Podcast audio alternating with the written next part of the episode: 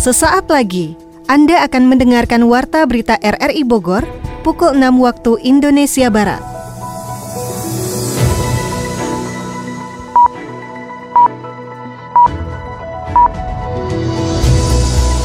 Selamat pagi, salam jumpa.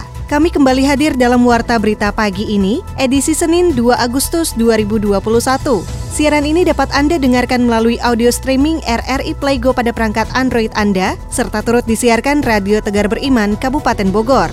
Berikut, kami sampaikan berita utama. WHO menyebutkan kenaikan kasus global meningkat 80 persen akibat varian Delta dalam satu bulan terakhir.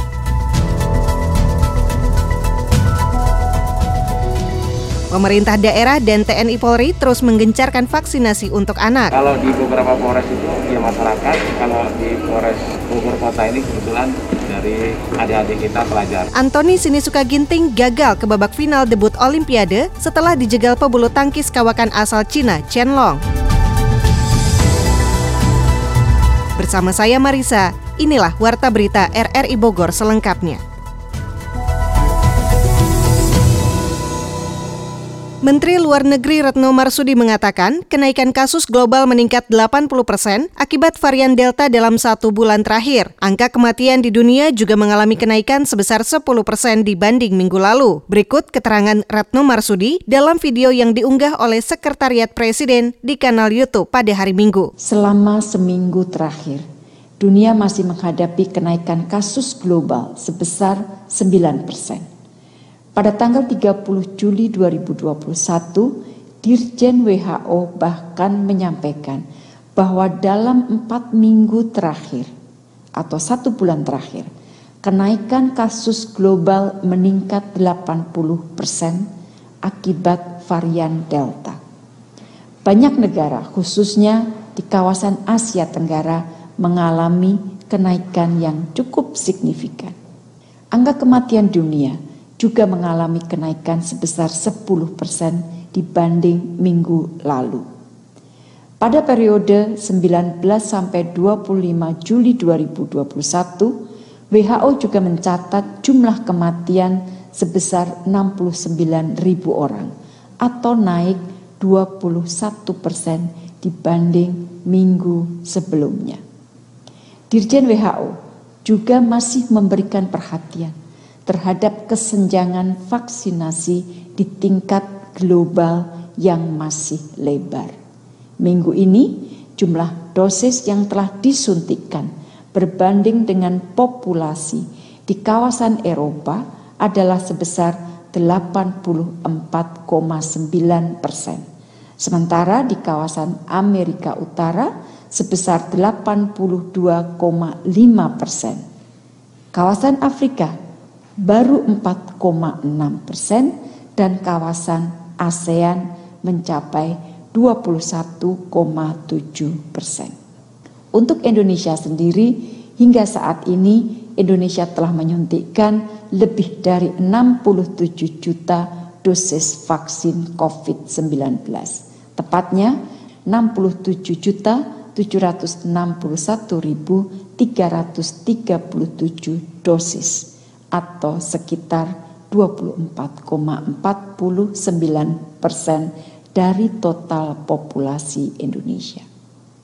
Insya Allah dengan terus berdatangannya vaksin dari berbagai sumber ke Indonesia, kita dapat mempercepat program vaksinasi bagi masyarakat Indonesia yang pada akhirnya diharapkan dapat menekan penyebaran virus COVID-19 dan menekan angka hospitalisasi dan kematian. Insya Allah teman-teman dengan bekerja keras, disiplin, bersatu, seraya juga terus berdoa, kita bangsa Indonesia dapat segera keluar dari krisis ini. Pada hari Minggu siang kemarin, Indonesia kedatangan 3,5 juta dosis vaksin merek Moderna buatan Amerika Serikat. Indonesia juga akan menerima 620 ribu dosis vaksin AstraZeneca dari Inggris pada Senin hari ini. Kementerian Luar Negeri mencatat Indonesia telah menerima 178 juta 357.880 dosis vaksin COVID-19. Pemerintah daerah dan TNI Polri terus menggencarkan vaksin untuk anak. Sony Agung Saputra menurunkan laporannya. Alumni Akpol tahun 91 bersama Polresta Bogor Kota dan pemerintah Kota Bogor melakukan vaksinasi kepada ratusan anak usia sekolah di sejumlah tempat di Kota Bogor. Vaksinasi COVID-19 dilakukan di Puri Begawan dan tempat lainnya dengan dipantau langsung oleh Brigjen Pol Dwi Irianto sebagai koordinator aksi lapangan wilayah Kota Bogor. Brigjen Pol Dwi Irianto mengatakan saat ini Polri terus bergerak bergerak melakukan vaksinasi COVID-19 dari mulai Mabes Polri, Polda hingga Polsek bahkan Pospol. Dalam agenda vaksinasi tersebut pihaknya menyiapkan seribu vaksin untuk masyarakat Kota Bogor terutama anak usia sekolah agar bisa menyiapkan kekebalan massal. Rentak di beberapa Polda maupun Polres mengadakan vaksinasi dan bakti sosial dalam rangka pengabdian kami Akpol Angkatan 91 Daksa ke 30 tahun. Kita mengadakan vaksin dan bansos agar masyarakat tetap sehat demi Indonesia maju.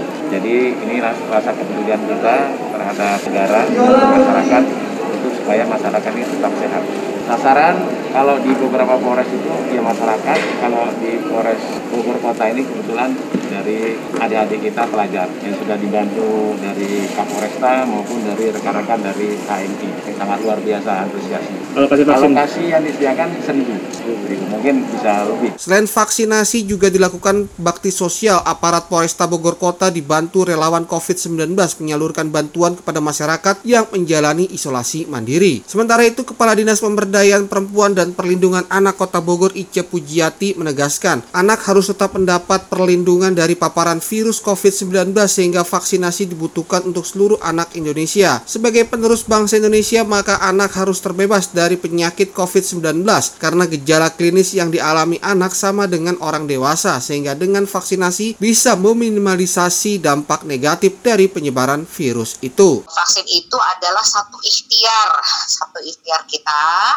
dan untuk anak-anak kita di dalam penularan eh, atau pencegahan penularan dari COVID-19 itu sendiri sendiri. Jadi kan angka di Kota Bogor juga cukup lumayan, cukup lumayan tinggi anak-anak nih yang terkonfirmasi COVID dan gejala klinisnya diketahui bahwa sama. Kalau dulu-dulu kan kita berpikiran bahwa anak-anak itu antibodinya bagus dan sebagainya ternyata kenyataannya memang secara gejala klinis sama dengan orang dewasa, ada yang berat, ada yang ringan, bahkan ada yang eh, menuju ke kematian. Pihaknya akan terus mengawasi tumbuh kembang anak terutama dalam masa paparan COVID-19 dengan tetap mengedepankan protokol kesehatan dan upaya vaksin sehingga bisa optimal mencegah dampak buruk bagi perkembangan anak Indonesia sebagai pewaris bangsa. Jajaran Kepolisian Republik Indonesia menggiatkan baksos vaksin di lingkungan SPN Lido. Selengkapnya dilaporkan Yofri Haryadi. Bapak Rafael Soara Nasibuan 980 sampai 1010. Ibu Santi Nurseha 980 sampai 1010. Di luar angka tersebut, Ibu Warsini Jajaran Kepolisian RI Angkatan Akademi Kepolisian Akpol Akabri tahun 91 melakukan aksi massal bakti sosial pendistribusian vaksin COVID-19 di 91 gerai vaksin se-Indonesia dengan jumlah ampul vaksin yang diberikan untuk 30 ribu penerima di seluruh Polda di Indonesia dan wilayah Polda Jabar salah satunya dilaksanakan di Wisma Sekolah Polisi Negara SPN Lido Cigombong, Kabupaten Bogor. Di SPN Lido Cigombong, petugas menyiapkan 150 dosis vaksin dan 150 paket sembako kepada penerima vaksinnya. Dijelaskan Kepala Sekolah Polisi Negara SPN Lido Polda Metro Jaya Kombes Pol Tony Harsono, kegiatan tersebut merupakan inisiasi dari alumni Akpol yang kini telah menempati jabatan strategis di tubuh kepolisian dan lembaga negara lainnya. Selama 30 tahun mengabdi kepada negara, alumni Akpol 91 itu pun menyisihkan rezekinya sebagai gerakan bakti sosial dalam menekan pandemi COVID-19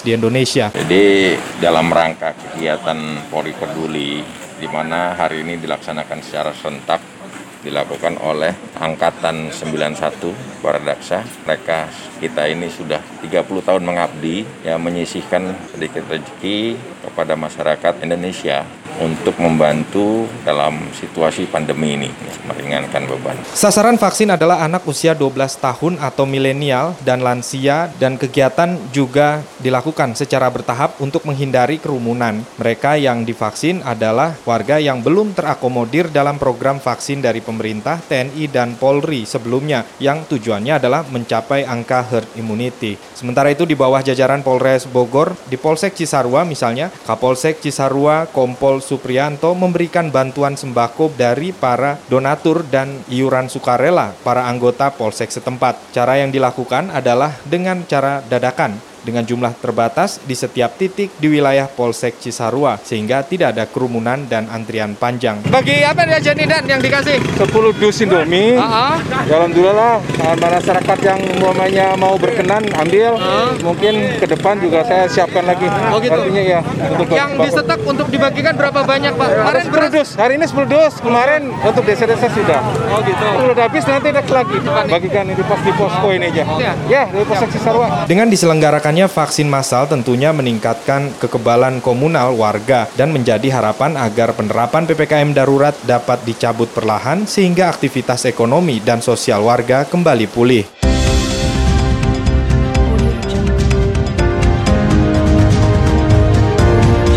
Anda masih mendengarkan Warta Berita RRI Bogor. Saudara Kota Bogor masih mengalami kelangkaan obat dan pasokan oksigen. Adi Fajar Nugraha menurunkan laporannya. Setelah berjibaku menangani lonjakan kasus COVID-19, kondisi bed okupansi rasio atau BOR Kota Bogor mulai membaik. Wakil Wali Kota Bogor, Dedi Arahi mengatakan, saat ini tingkat keterisian tempat tidur di Rumah Sakit Kota Bogor telah menurun sekitar 70 persen. Namun begitu angka tersebut masih di atas standar WHO. Dedi juga mengungkapkan saat ini Kota Bogor masih menghadapi permasalahan kelangkaan obat terapi COVID-19 dan juga oksigen. Untuk itu masyarakat diminta lebih mematuhi protokol kesehatan di masa PPKM level 4 ini agar tidak berkontribusi menambah angka kasus COVID-19. Bor sudah berkurang ya dari kemarin sempat menyentuh 90-an persen ya sekarang mungkin ada di kisaran 70-an persen dan itu pun masih di atas WHO. Jadi artinya kondisi rumah sakit masih penuh, oksigen juga masih terbilang langka, obat-obatan juga relatif kurang karena antara supply dan demand-nya tidak seimbang. Tentu ini menjadi tantangan ya untuk kita semua bagaimana menyelesaikan persoalan ini terutama meminta kepada masyarakat untuk tidak menambah jumlah kasus positif harian supaya bor kita tidak meningkat terus dan tingkat kematian juga kan boleh dibilang cukup tinggi juga dan ini harus kita hindari supaya ada keseimbangan dari titik fasilitas kesehatan yang kita miliki, kemudian juga tenaga kesehatan dan juga ketersediaan sarana. Hal senada juga diungkapkan di Rut RSUD Kota Bogor, Dr. Ilham Haidir. Ia mengatakan kelangkaan obat bagi pasien COVID-19 dan pasokan oksigen masih terjadi. Saat ini pun kebutuhan oksigen bagi pasien COVID-19 meningkat drastis hingga mencapai lima kali lipat. Belum lagi permasalahan lain adalah dengan langkanya obat-obatan, kemudian dengan adanya pasokan oksigen. Karena memang kalau orang yang terkena COVID itu konsumsi oksigennya tinggi sekali. Sebagai gambaran, sebelum COVID kita eh, oksigen itu paling 1,5 ton per hari. Sekarang ini sudah mencapai 5 ton per hari. Kita memang bertarung dengan segala upaya. Pemerintah Kota Bogor terus berupaya menekan angka kasus dengan membuat sejumlah kebijakan menekan mobilitas masyarakat seperti dengan menerapkan ganjil genap kendaraan bermotor yang berlaku hingga 2 Agustus mendatang. Kementerian Tenaga Kerja mendorong kelompok milenial berkarya agar memberikan kontribusi yang lebih luas terhadap perekonomian nasional. Kontribusi ekspor dari UMKM Indonesia masih relatif rendah dan informasi selengkapnya disampaikan Adi Fajar Nugraha. Menteri Koperasi dan Usaha Kecil Menengah Teten Mas Duki mengatakan ada beberapa catatan penting terkait UMKM, salah satunya besaran ekspor produk UMKM Indonesia yang masih kalah dengan Thailand, Jepang, dan Cina. Menurut Teten, kontribusi ekspor dari UMKM masih relatif relatif rendah yakni sebesar 14 persen. Sebagai contoh di Thailand, ekspornya mencapai 29 persen, Jepang 54 persen, dan Tiongkok 70 persen. Menurutnya, peningkatan ekspor UMKM ini tidak terlepas dari kontribusi atau partisipasi UMKM. Mengingat UMKM menjadi aspek vital dalam bertahan di masa pandemi untuk menciptakan lapangan kerja. Kemudian rasio UMKM di Indonesia juga belum memenuhi syarat negara maju. Teten mengatakan rasio kewirausahaan sebesar 3,47 persen, sedangkan syarat negara maju sebesar 4 persen. Padahal UMKM menjadi sektor yang banyak menyerap tenaga kerja dan berkontribusi dalam PDB nasional. Dengan rendahnya besaran ekspor dan rasio wirausaha, menurut Teten itu menjadi catatan penting. Untuk itu, ia mendorong beberapa pihak untuk ikut berkontribusi dalam meningkatkan UMKM di Indonesia. Kementerian Tenaga Kerja mendorong kelompok milenial berkarya agar memberikan kontribusi yang lebih luas terhadap perekonomian nasional. Angka statistik menunjukkan generasi milenial dan generasi Z menjadi kunci performa ekonomi Indonesia di masa depan. Sekretaris Jenderal Kemenaker Anwar Sanusi mengatakan, masa pandemi COVID-19 merupakan momentum penting bagi semua pihak seperti institusi pendidikan, generasi milenial, dan para pelaku usaha untuk bersama-sama bangkit dan terus berkarya guna menopang pertumbuhan ekonomi Indonesia. Kemajuan informasi teknologi menjadi ujung tombak perubahan berbagai bidang sosial ekonomi. Menurutnya, generasi milenial harus mampu mengoptimalkan SDM dan adaptif dengan kemajuan teknologi. Mereka diharapkan menjadi penerus bangsa menghadapi perubahan berbagai bidang pembangunan. Sedangkan para pelaku usaha di dunia usaha dan industri pun harus dapat mengelola dan memastikan para HR untuk konsen terhadap potensi SDM milenial sehingga terjalin kinerja dan ketahanan. Perusahaan pun dapat terus tumbuh di masa pandemi untuk membantu pertumbuhan ekonomi nasional. Siska! Eh, Dewi, lagi belanja juga? Iya nih, kan lagi pandemi kayak sekarang kan kita harus lebih ekstra jaga imun. Makanya belanja buah sama sayur buat keperluan di rumah. eh, ngomong-ngomong, kamu nggak pakai masker? Kan kemarin aku udah disuntik vaksin COVID, jadi aman lah. Gak usah pakai masker juga kan. Soalnya kalau pakai masker, aku nggak kelihatan cantik. Oh, hati-hati. Walau udah vaksin, tetap aja harus jaga protokol kesehatan. Nggak boleh loh diabein. Contohnya nih, rekan kantor aku aja udah divaksin, masih tetap terkena virus COVID. Wah, serem juga ya. Kalau gitu, aku beli masker dulu ya. Tetap harus pakai masker ya, mencuci tangan, dan menjaga jarak aman. Vaksin bukan obat untuk menyembuhkan COVID-19. Untuk itu, tetap patuhi protokol kesehatan, memakai masker, menjaga jarak, mencuci tangan, menjauhi kerumunan, dan mengurangi mobilitas.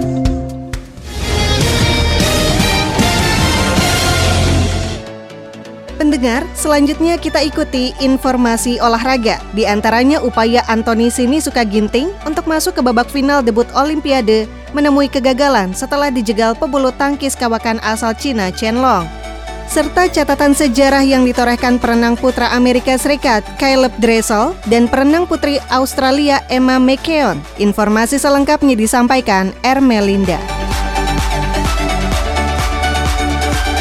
Upaya Antoni Sinisuka Ginting untuk masuk ke babak final debut Olimpiade menemui kegagalan setelah dijegal pebulu tangkis kawakan asal Cina Chen Long pada babak empat besar yang berlangsung di Musashino Forest Sport Plaza Tokyo Minggu. Laga kontra Chen Long yang mencatatkan waktu 56 menit menjadi yang terlama kedua setelah perempat final melawan Anders Antonsen sepanjang 79 menit. Atlet peringkat 5 dunia ini bermain apik, namun akhirnya harus mengakui keunggulan Chen Long yang jauh berpengalaman. Pertandingan berakhir dengan skor 16-21 dan 11-21. Ginting masih berpeluang mengamankan medali perunggu pada babak penentuan juara ketiga. Pada laga ini Ginting sudah ditunggu pebulu tangkis Kevin Cordon asal Guatemala. Ia tersingkir di semifinal setelah dikalahkan peringkat dua dunia Victor Axelsen asal Denmark.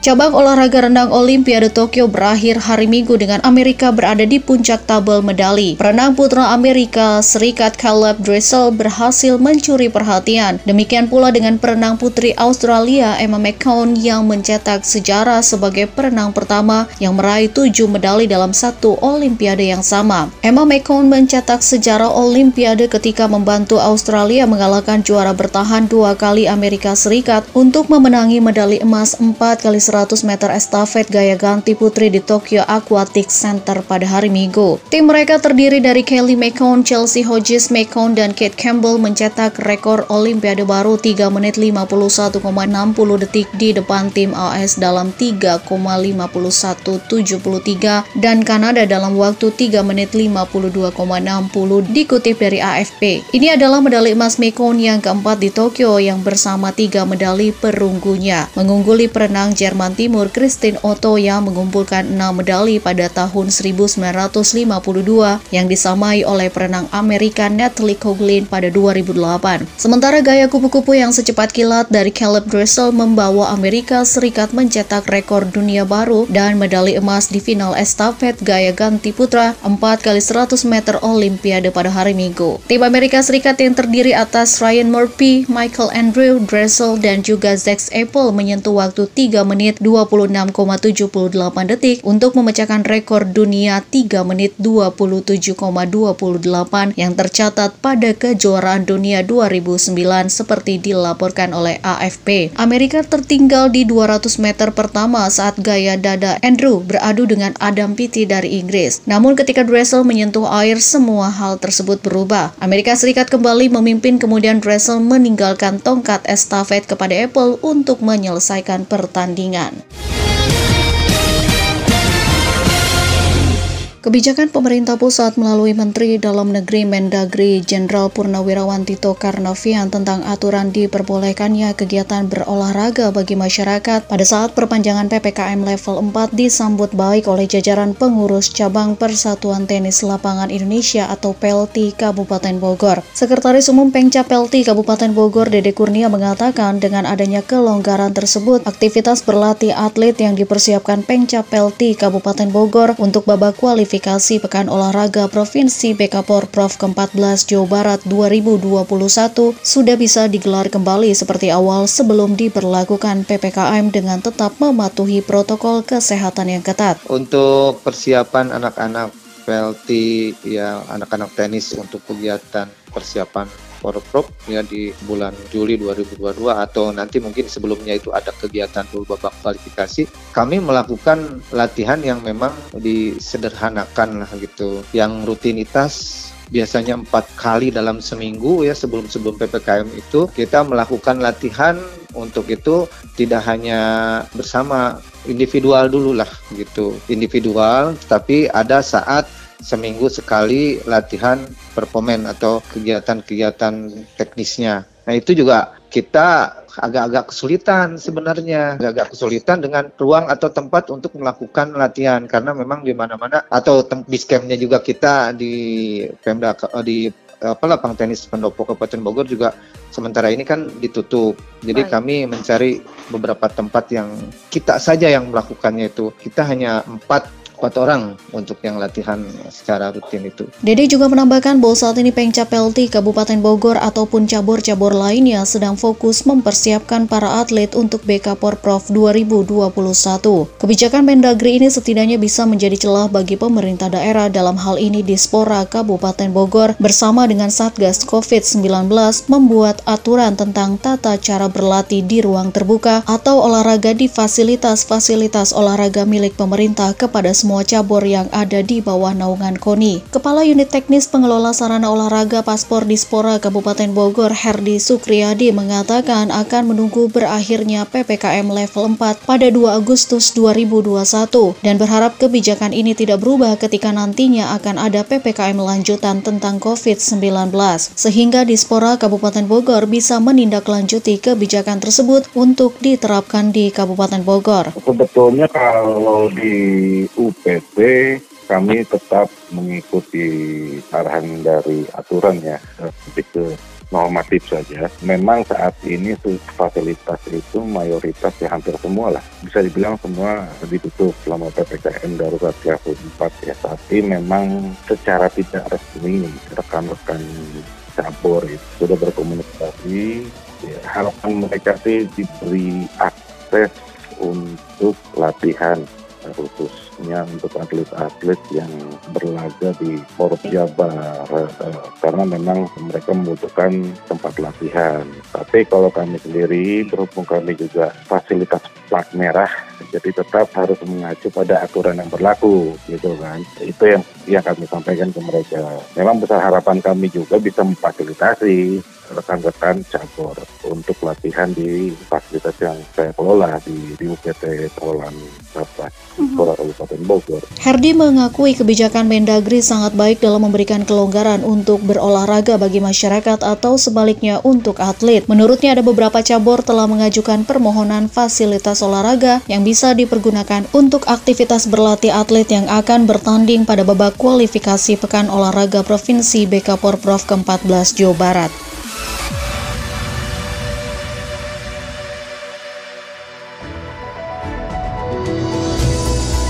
Demikian informasi yang dapat kami sampaikan, dan berikut kembali kami sampaikan berita utama hari ini. WHO menyebut kenaikan kasus global meningkat 80 persen akibat varian Delta dalam satu bulan terakhir.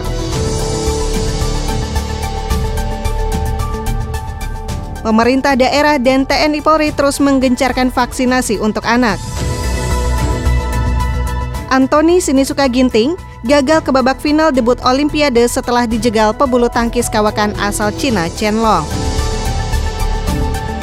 Saudara siaran ini dapat Anda dengarkan kembali melalui podcast kami di Spotify, Anchor, Potel, dan Google Podcast. Mewakili kerabat kerja yang bertugas hari ini, saya Marisa mengucapkan terima kasih. Selamat pagi.